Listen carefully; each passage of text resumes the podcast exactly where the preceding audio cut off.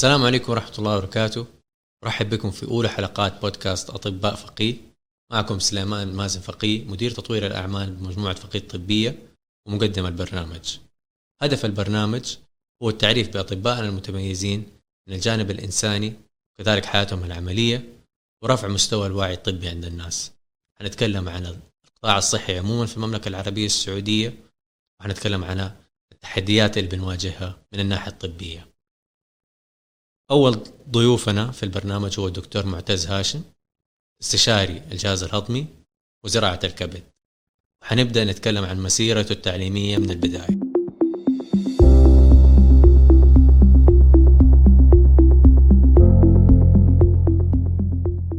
طريق مكة. أوكي. وبعدين نقلنا حي الشاطئ فنقلت الثغرة الخالدية. قعدت فيها لين ثالثة ثانوي. هل كنت طالب مجتهد أو لا؟ آه، ما كنت بطال يعني كنت دافور. ما عدا في التمهيدي وهذه عمري ما حنساها في حياتي. في التمهيدي أنا طلعت ال 11 على الفصل بين فصل فيه 13 واحد. أوف. آه بس بعدين في أولى ابتدائي طلعت الأول ثاني ابتدائي الرابع. يعني أقل شيء جبته الرابع وعادة بين الأول والثاني الحمد لله. وكيف يعني؟ معروف مدارس الثغر كان فيها آه، الرياضة شيء مهم الموسيقى حتى شيء مهم. هل أنت كنت يعني داخل في هذه المجالات ولا؟ الثغر محطة عظيمة ترى في حياة كثير من اللي دخلوها وحتلاقي آه، ناس كثير من إحنا نسميهم الثغراوية. ترى إحنا فخورين مرة بالمدرسة وقتها.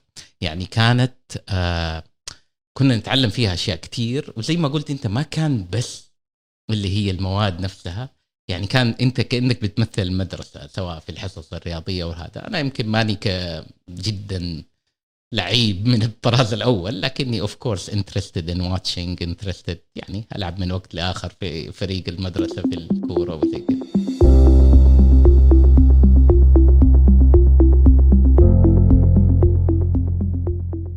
وهل آه، فكرة الطب كانت من زمان في بالك؟ إيوه هذه يمكن اللي يعرفوني يعرفوا الشيء هذا عن عني. لا أنا بالعكس أنا كنت كان دائما الموتو حقي أي حاجة غير الطب. يعني أنا كان معروف إنه أنا أبغى أدرس أي حاجة غير الطب. ابدا ما كان الطب هو الهدف. آه بس أيامنا أيامنا وأنت لما تخرج من ثالثة ثانوي ترى ما يعني الخيارات قليلة في عمرنا. الجيل هذا غير. الجيل هذا ترى حقيقة يعني جيل تحسه آه ما ما بقول واعي بس يمكن إحنا ما كان عندنا التصور واضح زمان أكثر يعني كنا خلاص أي واحد يجيب درجات عالية يلا يا حتروح يا طب يا هندسة الواحد دخل طب كذا بالبركة وسلكت أموره يعني الحمد لله بس هل كان الطب رغبة عندي وأنا عمري خمس سنين وتسع سنين لا عمره ما كان كذا فكيف كانت أيام كلية الطب؟ آه. كلية الطب لكل طالب طب حيسمعني ودائما حيجي له نفس الشعور. كلية الطب آه، صدمة. آه، صدمة لأنها مختلفة عن أي شيء أنت تتوقعه. حتسمع من أي أحد يا أخي والله صعبة يا أخي والله ترى ما حتخرج مع أصحابك. المسألة ما هي مسألة صعبة ولا سهلة. It is unimaginable اللي أنت حتمر فيه. هو شيء مختلف عن أي حاجة أنت تتوقعه. من عدد ساعات المذاكرة لعدد كميات المعلومات لعدد الضغط النفسي اللي يجيك من الناس اللي حوالينك من درجة إنه زملائك أنا كيف كنت أقول لهم هي؟ في الفصل في أي فصل في المتوسط الفصل كان دائما في كذا دوافير شطار كذا يقعدوا في الصف الأول بعدين في العادي بعدين في ثلاثة أربعة مروقين قاعدين في آخر صف ما ما يعني ما يهتموا الطب مو كده الطب كله هم دول اللي في الصف الأول. فكمية ال competitiveness كمية النزاعات والأشياء هذه كانت كبيرة. فصد يعني ما هي خلينا ما نقول كلية صعبة لكنها أكيد ما هي أسهل كلية في العالم as simple as that فهل هي كانت مرحلة غريبة؟ آه نعم. أنا يمكن كنت كانت أول جامعة الملك عبد العزيز. أي جامعة الملك عبد العزيز في جدة. أنا كنت تقريبا أول واحد عندي في العيلة أنا أخش الكلية. فكان شوية في pressure ضغط علي أنا من آه ال family right الواحد يحس كده إنه في ضغط عليه إنه هو يبغى يؤدي آه شيء جيد يبغى يصبح أول طبيب في العيلة. هذه الأشياء كلها كانت كده ترند وبعدين كان يشوف اختبار ال biochemistry ويرجع يزعل بعدها ويكمل. حتى أنا يعني سمعت إنه أثناء دراستك في الطب آه، كان الدكتور مازن فقيه برضه كان آه، كان مدربك في فترة من الفترات اي هذه هذه في مرحلة بعد ما تخرجت. آه الدكتور مازن آه حبيب غالي له افضال كثير علي وحتى عم سليمان رحمة الله عليه.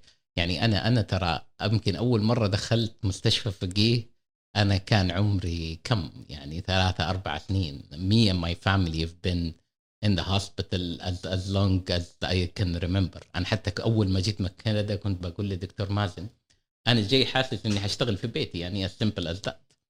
فلما كنت في الريزيدنسي في كندا لما رحت بعدين هذه جيت جاد أبو شهرين أخذت الكتف كامل في عيادته. وأقول له هي إلى هذا اليوم آه اي ام أحيانا أنزعج إنه يمكن ما بيكمل العيادة حقته زي ما كان. دكتور مازن واحد من أفضل الأطباء كلينيكيا اللي أنا اشتغلت معاهم حقيقة. والآن ما شاء الله أنت دكتور معتز من النجوم. يعني ما حجاملك عشان انك ولده أكيد يعني ف دكتور آه وبعدين إيش خلاك تتخصص في هذا التخصص بالذات يعني؟ والله شوف يعني أنا حرجع لك دحين على الكلية خلصت الكلية. آه الكلية مراحل. أنت في البداية آه ثانية ثالثة هي دي مرحلة الصدمة مواد جديدة لغة جديدة. مهما تعلمت أنت بالإنجليزي في البداية الإنجليزي اللي يدرسوه في كلية الطب لاتيني. يعني حتى خبير الإنجليزي حيكلكع فيه ما حيظبط فيه. بعدين تبدأ تتعود لما رابعة خامسة سادسة تشوف مرضى. وتشوف مرضى أنت بتسألهم باللغة العربية وبتاخذ منهم هيستوري وبتحس بآلامهم وتحس إنك من فريق طبي يشمل أنا كطالب ومعايا resident ومعايا consultant استشاري وإحنا كلنا بنشوف مرضى فتحس بدورك أكثر في الكلية فتبدأ تتبلور عندك الشخصية ويمكن هذا شيء يمر فيه الطبيب. صحيح إنه كلنا إحنا في الحياة كل ما بنكبر شخصيتنا بتكبر معنا بتتبلور بس أنت هذا الجزء اللي فيك آه يصبح الطبيب اللي فيك يمكن يبدأ يسيطر عليك. كثير من الأطباء ترى يجد صعوبة إنه يفصل بين حياته هو كإنسان وحياته كطبيب لأنه بيلاقي نفسه هو كبر في هذه الكلية وقاعد ينزرع فيه شخصية الطبيب. فرابعة خامسة سادسة تصبح خلاص تبدأ تتعود أنت تصبح طبيب تخلص الكلية يجيك الشعور أنا دكتور قد الدنيا خلاص خلصت الأشياء الصعبة دحين الحمد لله زي ما كلهم قالوا لي خلصت الصعب وحيجي السهل. بعدين؟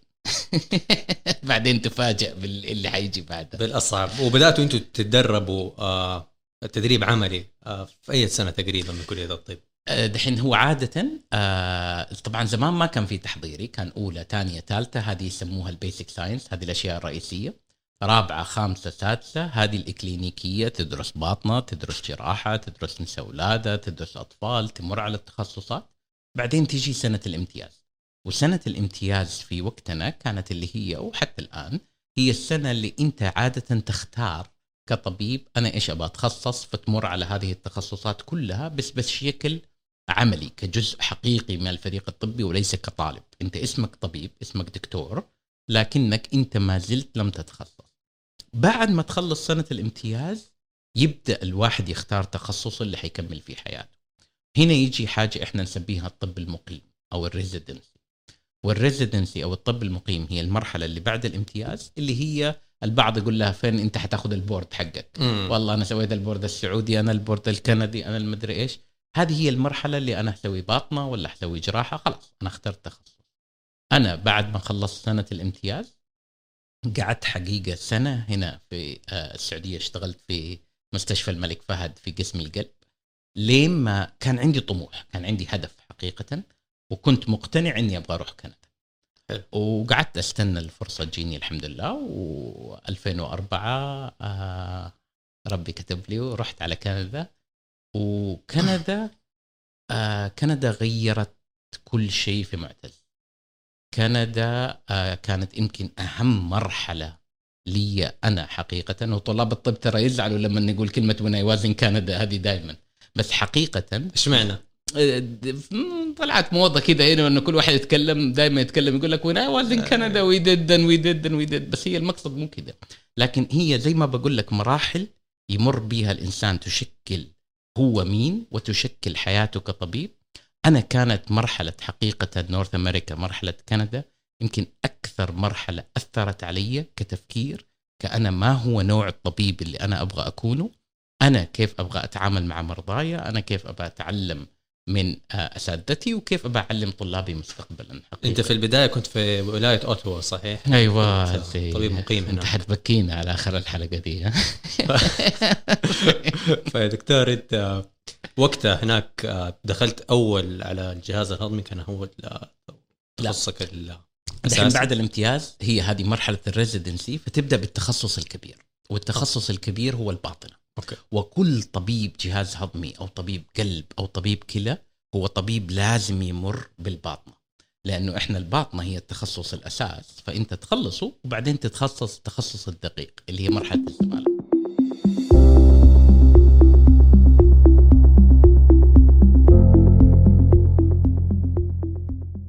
مرحلة الريزيدنسي أو الطب المقيم بالنسبة لي كانت ثلاث سنوات في أتوا آه دحين قبل دقيقتين إيش قلت لك؟ قلت لك مرحلة كندا كانت مرحلة حلوة ومهمة ورهيبة وقد إيش؟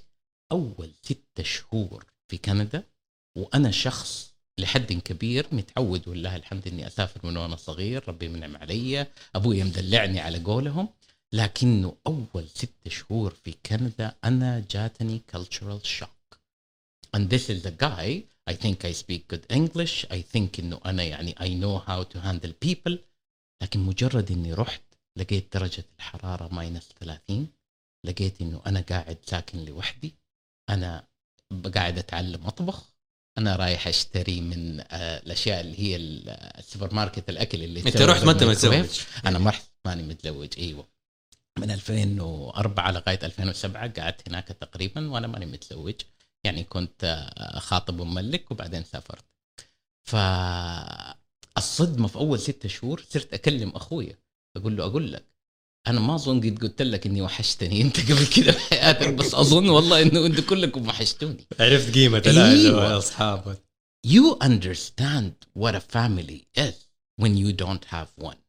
You understand what you're missing when you don't have that thing. وهذا exactly اللي حصل معايا وقتها.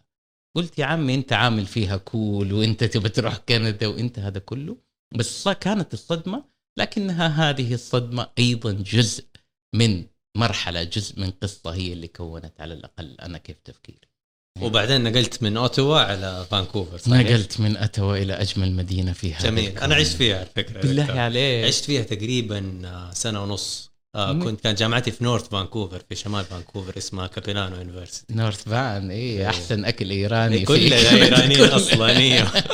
فكله أصلا يروح هناك عشان الأكل الإيراني. فكيف كانت فترة فانكوفر؟ زي ما أنت عارف فانكوفر غير. دحين أنا بقول لك هذيك أتوا آه كانت المرحلة اللي هي درجة الحرارة minus 30 وتلبس تسعة قطع فوق بعض لكنك قاعد تتعلم كيف تتعامل مع culture جديد تتعلم ال آه ال ال دائما اللغة شيء واللهجة حق البلد شيء وال accent وطريقة التفكير شيء. فالواحد كان بيتعلم أشياء أكثر من الطب. يعني أنا ما كنت بس قاعد أتعلم أنا كيف آخذ التحليل هذا أقرأه ولا كيف أشخص المرض هذا.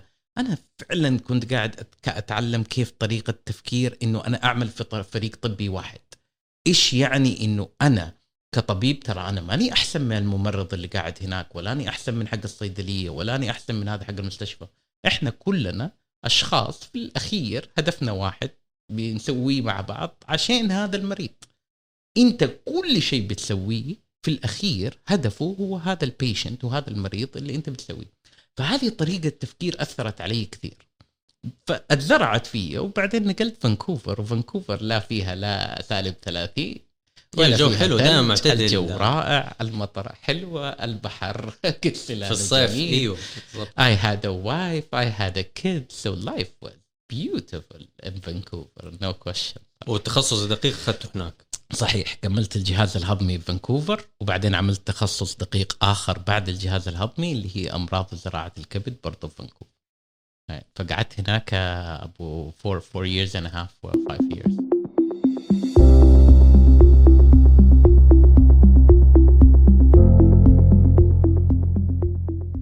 وبعدين رجعت جدة. بعدين لا تخيل. آه رجعت بعد رجعت جدة أسلم على أهلي. بعدين رحت الرياض. لأني أنا تخصصت في زراعة الكبد. وهذا كان التخصص الدقيق حقي بعد الجهاز الهضمي. وزراعة الكبد في المملكة في ذلك الوقت ويمكن حتى الآن ما هي متوفرة آه، في المنطقة الغربية كثيرا. موجودة في الرياض موجودة تخصصي في الحرس تخصصي الدمام. فأنا كان بالنسبة لي هدف إني أمارس هذا التخصص لأنه يعني آه، زراعه الكبد من الأشياء اللي لما تشوفها كيف تغير حياة إنسان وحياة عائلة فعلا تؤثر عليك أنت كطبيب وتحس إنك أنت بتعمل شيء. فرحت والله قعدت سنتين في تخصص الرياضة اشتغلت مع دكتور سبيل دكتور فيصل أبو الخيل ناس دكتور حمد الباهلي ناس يعني تعلمت منهم الكثير حقيقه. بعد السنتين هذه نقلت جده نقلت على جامعة جدة وعلى مستشفى فالآن يعني بالنسبة لأمراض الكبد هل في طرق معينة للوقاية من أمراض الكبد؟ وإيش أسباب الأشياء اللي هي تخلي المرض يتفاقم عند الشخص ويؤدي إلى زراعة الكبد يعني؟ والله شوف أمراض الكبد ما هي أمراض نادرة. أمراض الكبد طبعا تشمل كلمة أمراض الكبد أمراض كثير. تشمل فيروسات كبد. أنت حتسمع الناس تقول لك التهاب الكبد الوبائي تشمل فيروس الكبد بي فيروس الكبد سي.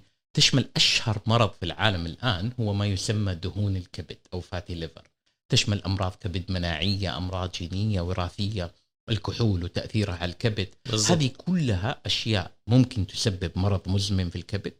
أي مرض مزمن في الكبد لو تسيبه سنة واثنين وعشرة ممكن يتحول لشيء يسمى تليف الكبد. لو تليفت هذه الكبد تبدأ بعد سنين ممكن تفقد قدرتها إنها تشتغل. فما تقعد تسوي شغلها الكبد. ترى في الجسم له 100 200 وظيفة واحد من أهم الأعضاء. لو الكبد ما يشيل السموم من جسمك لو الكبد ما بيسحب السوائل وبيصنع بروتينات ما بيكثر الدم عشان كذا الناس ممكن تجيها مضاعفات. بعضهم يجيهم استسقاء كذا بطنهم تكبر يصير فيها سوائل. بعضهم يجيهم السموم هذه تتكاثر يجيهم غيبوبة كبدية. بعضهم ينزف بسبب عدم تخثر الدم الجيد. فإن حدثت هذه الأشياء ساعتها نفكر في زراعة الكبد كيف تشيل هذا الكبد وتحط كبد من إنسان آخر سواء هذا الإنسان متوفي دماغيا أو حتى قريب أو صديق إنه يعطي له نص كبد.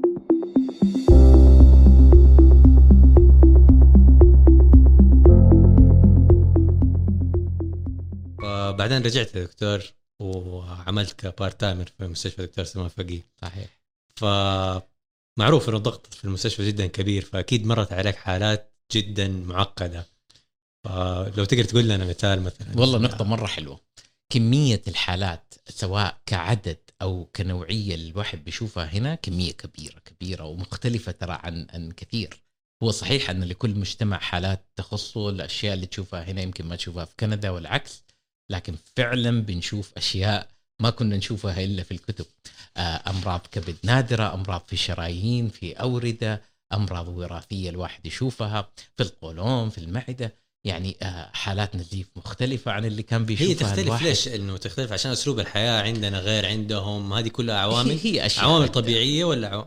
أشياء عدة. منها أسلوب الحياة منها الأشياء الوراثية. هنالك أمراض عادة أندر في مجتمع منها مجتمع آخر. الجينات لها دور كمية الكمية الكمية كمية الحالات اللي هناك أكثر كثيرا حقيقة. يعني الواحد بيشوف في عيادة واحدة هنا كعدد اللي أنا كنت أشوفه في ثلاثة أربع عيادات في آه، كندا. فالعدد كبير حقيقة. آه، فالبيئة نفسها بيئة ممتازة إنك تتعلم فيها. وهذا دائما أنا أقوله يمكن حتى لطلاب الطب آه، أو الأطباء المقيمين.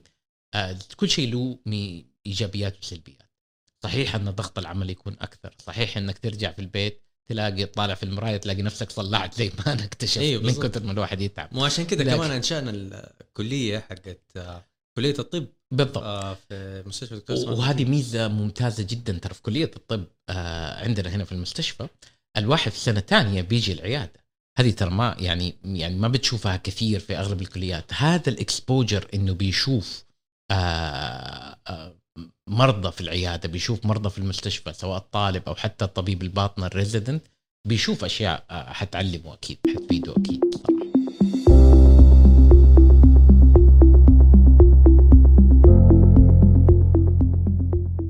الآن بالنسبة لل بالتكنولوجيا الحديثة أحدث التكنولوجيا اللي طلعت في زراعة. هل اختلفت كثير عن السابق ولا procedure هو هو؟ يعني؟ ال- العلم دائما يتطور. هذا أحد يمكن أجمل الأشياء آه، في العلم بشكل عام وفي الطب. الطب اليوم غير الطب قبل عشر سنين غير قبل عشرين سنة. ولما نقول الكلام هذا الناس أحيانا يقول لك يا أخي الدكتور هذا يغير كلامه.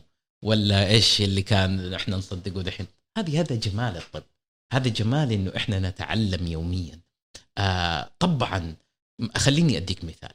شيء زي فيروس الكبد سي دحين قبل شهر اللي فاز بجائزة نوبل في الطب هم الناس اللي اكتشفوا فيروس الكبد سي هذا الاكتشاف تم في 1990 يعني إحنا بنتكلم قبل 30 سنة صح؟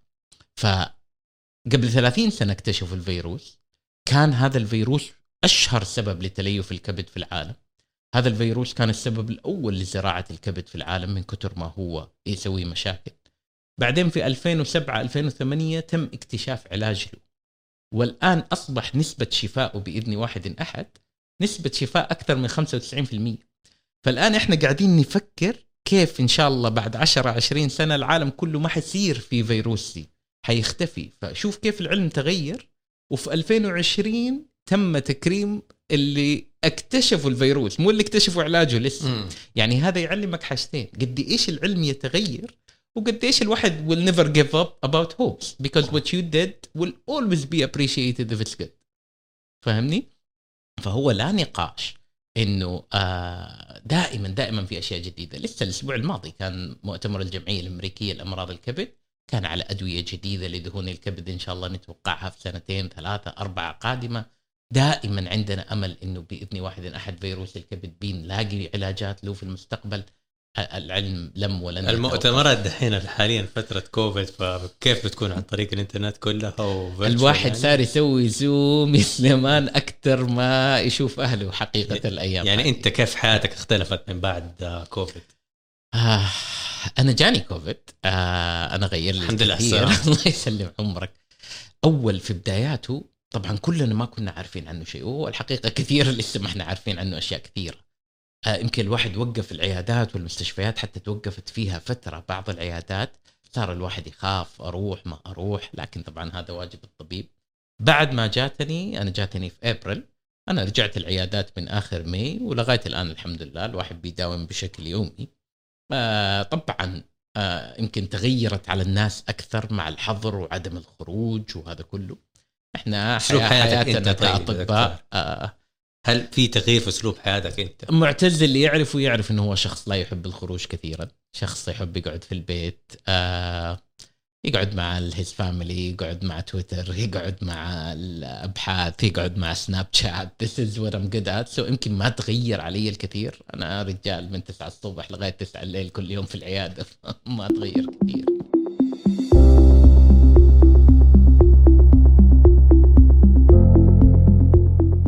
إيش النصيحة اللي تحب تنصحها للناس في هذه الفترة؟ يعني هي فترة صعبة ناس آه، كثير فقدت آه، آه، وظائفها ناس فقدت البزنس حقهم ففترة صعبة ف ما, ما أبغى أكون الشخص اللي يطلع وفقط يلقي نصائح لأنه هي شوية طالعة موضة إنه كل واحد يلقي نصائح في صحيح. العالم آه لكنه حقيقة آه صعب أي إنسان يفهم ما مريت أو ما يمر به الإنسان في هذه الفترة. صعب إذا أنت ما تعرف الشخص تتوقع هو مر بإيه. زي ما أنت قلت في ناس مرت بأشياء صعبة. أنا ما أقدر أجي وأحط نفسي مكانه. اللي أنا مريت فيه غير اللي أنت مريت فيها غير اللي مر فيه شخص آخر.